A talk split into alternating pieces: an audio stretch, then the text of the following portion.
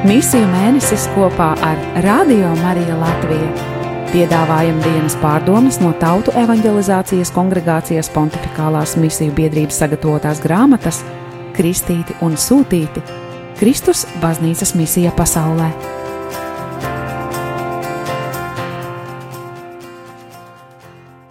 Trīsdesmit pirmais oktobris, ceturtdiena parastā liturģiskā laika 30. nedēļā. Svēto rakstu lasījumi no vēstules romiešiem 8. nodaļas, no 31. līdz 39. pantam, 109. psalms un Lūkas evaņģēlija 13. nodaļas 31. līdz 35. pants.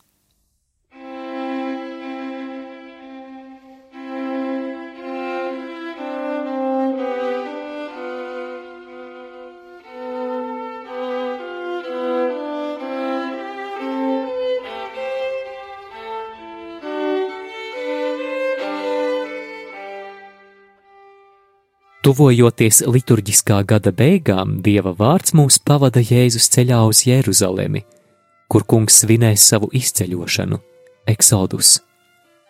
Tas ir savas nāves un augšām celšanās noslēpumu. Ceļā viņš jau bija saskāries un drosmīgi pārvarējis daudzus šķēršļus un briesmas, sākot ar to, ka nācaretes iedzīvotāji viņu mēģināja nogrūst lejā no kalna virsotnes – līdz nāves draudiem, kas nāca no Heroda Antipas puses. Tas, ka Herods Jēzu meklēja Galilejā, ir tikai vēl viena vajāšana, un tā nebūs pēdējā. Kaut zinot, ka tālāk svētajā pilsētā viņu gaida kaut kas vēl briesmīgāks, apstiprinoties bēdīgajai dievbijības trūkuma tradīcijai Jeruzalemē, tomēr Jēzus nenovirzās. Nekādi draudi nevar kavēt viņu virzīties uz priekšu, lai ierastos noteiktajā dienā, vai arī likt apstāties viņa īstenotā pestīšanas plāna izpildē, kuru viņam uzticēja tēvs.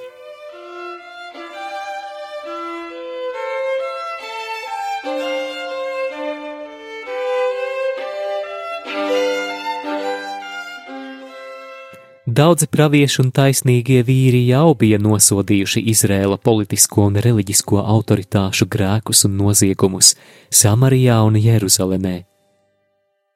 Gandrīz visi, kas turp tika sūtīti, cieta vajāšanas un nāvi. Jāņa Kristītāja nonāvēšana bija tikai pēdējais notikums šajā garajā noziegumu sērijā.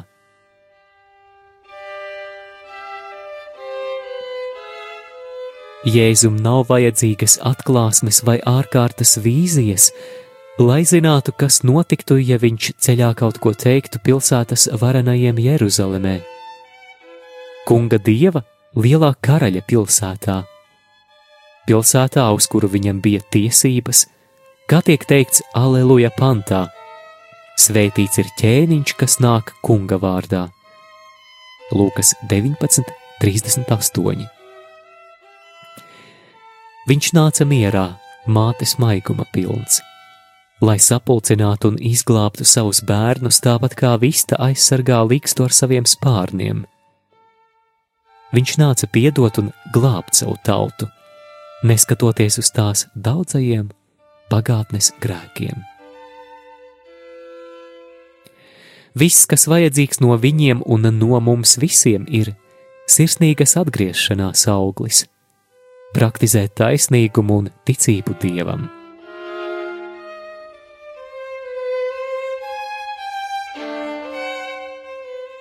Bet ko darīt tad, ja atgriešanās nenotiek? Ko darīt, ja viņš tiks noraidīts un vajāts tāpat kā pravieši? Un ja viņa pārdrošība novestu pie nomētāšanas ar akmeņiem vai nāves pie krusta, vai tas būtu tā vērts? Kāpēc kādam vajadzētu uzņemties šo risku un nodot savu dzīvi bēdīgi slaveno, korumpēto un nežēlīgo cilvēku rokās? Apostolim Pāvilam ir tikai viena atbilde. Viņa stiprās mīlestības dēļ uz mums visu, absolūti visu, ko Dievs varēja darīt, lai parādītu mums savu mīlestību, viņš izdarīja sūtot mums savu dēlu. Kā mēs joprojām varam šaubīties par Dieva glābjošo mīlestību pēc visa tā, ko viņa dēls ir izdarījis mūsu grēcinieku labā.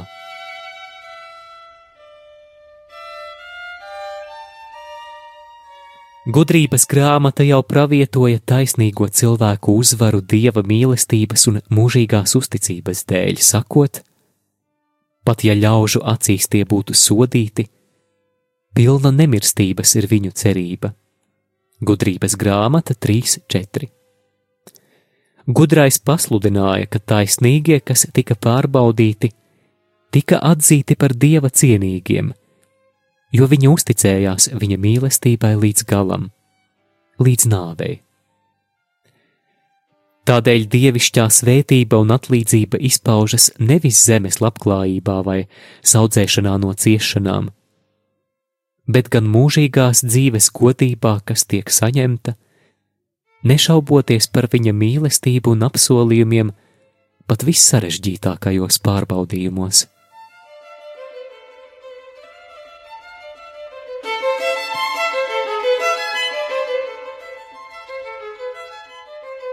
Tagad, kad šī pieredze ir saņēmusi apstiprinājumu un kļuvusi par realitāti Kristū, Pāvils nevar noslēpt gara balsi, kas sauc viņa sirdī, skandinot slavas dziesmu vārdos neizsakāmajam noslēpumam.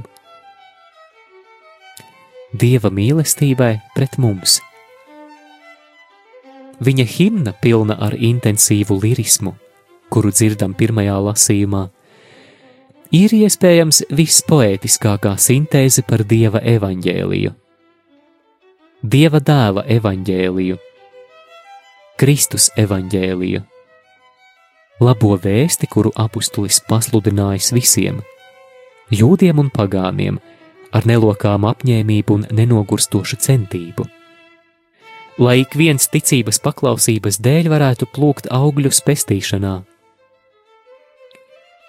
Šī himna sniedz Pāvila atbildi uz Jēzus jautājumu mācekļiem, ko jūs sakāt, kas es esmu? Jēzus ir Dieva dēls, kurš deva sevi par mums visiem. Dzīves, mūžīgi mirdzošs pierādījums par Dieva, mūsu visu tēva neiznīcināmo mīlestību uz visiem mums, uz visu cilvēci un uz visu radību.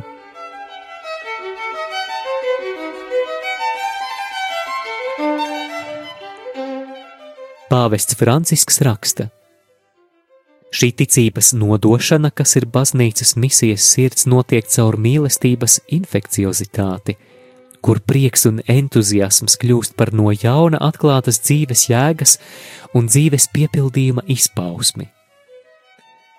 Ticības izplatīšana ar pievilcību prasa sirdis, kuras ir atvērtas un paplašinātas mīlestībā. Mīlestībai nav iespējams noteikt robežas, jo mīlestība ir spēcīga kā nāve. Salīdziniet dziesmu dziesmu 8,6. Un šī paplašināšanās rada sastapšanos, liecību, sludināšanu. Tā rada dalīšanos labdarībā ar visiem tiem, kas ir tālu no ticības, vienaldzīgi un varbūt pat naidīgi pret to. Cilvēciskie kultūras un reliģijas apstākļi, kas joprojām ir sveši Jēzus evaņģēlijam un baznīcas sakramentālajai klātbūtnei, pārstāv galējās perifērijas. Zemes beigas, uz kurām Jēzus misionārie mācekļi tika nosūtīti jau kopš pašām pirmajām lieldienām. Ar pārliecību, ka kungs vienmēr ir ar viņiem. To mēs saucam par misiju ad gentes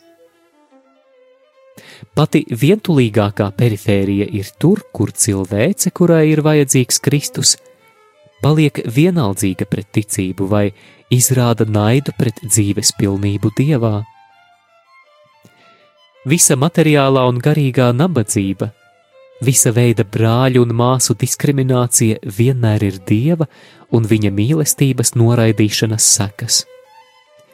Ziņojums pasaules misijas dienai – 2018. gadā.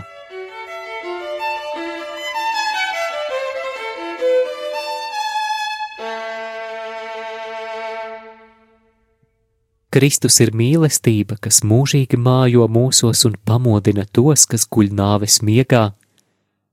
Mīlestība, kas ir kopā ar mums no mūsu stāsta sākuma līdz laika beigām, un vēl pēc tam kas nolaižas dziļumā un nonāk debesīs, kas mūs glābi no visām bailēm un verdzības, kā arī no visiem ienaidniekiem un apspiedējiem, kas mūs atbrīvo kopības dzīves krāšņumā. Viņš ir tā mīlestība, kas mūs stiprina, padarot mūs pārliecinātus, pārdrošus, neuzvaramus ne tikai pret cilvēkiem un redzamiem ienaidniekiem, bet arī iepretim neredzamiem gariem, jo Dievs ir ar mums. Apsūdzība pret mums ir atsaukta, grēks ir piedots. Mīlestība ir uzvarējusi naidu, netaisnība ir sakauta. Bēdas un ciešanas ir saņēmušas mierinājumu. Bezdibenis ir izlīdzināts, un augstums ir mums pietuvojies. Nāve ir devusi ceļu uz dzīvību, un laiks ir pavēris durvis uz mūžību. Viņa dēlā Jēzū ir parādīta dzīvības dieva mīlestība un uzticība. Tagad nekas un neviens mūs nekad nevar atdalīt no šīs mīlestības. Ir pienācis arī mums laiks ar prieku pacelt savas balsis, sakot: Svētīgs ir tas, kas nāk tā kunga vārdā, tas, kurš nāk, lai mūs atpestītu.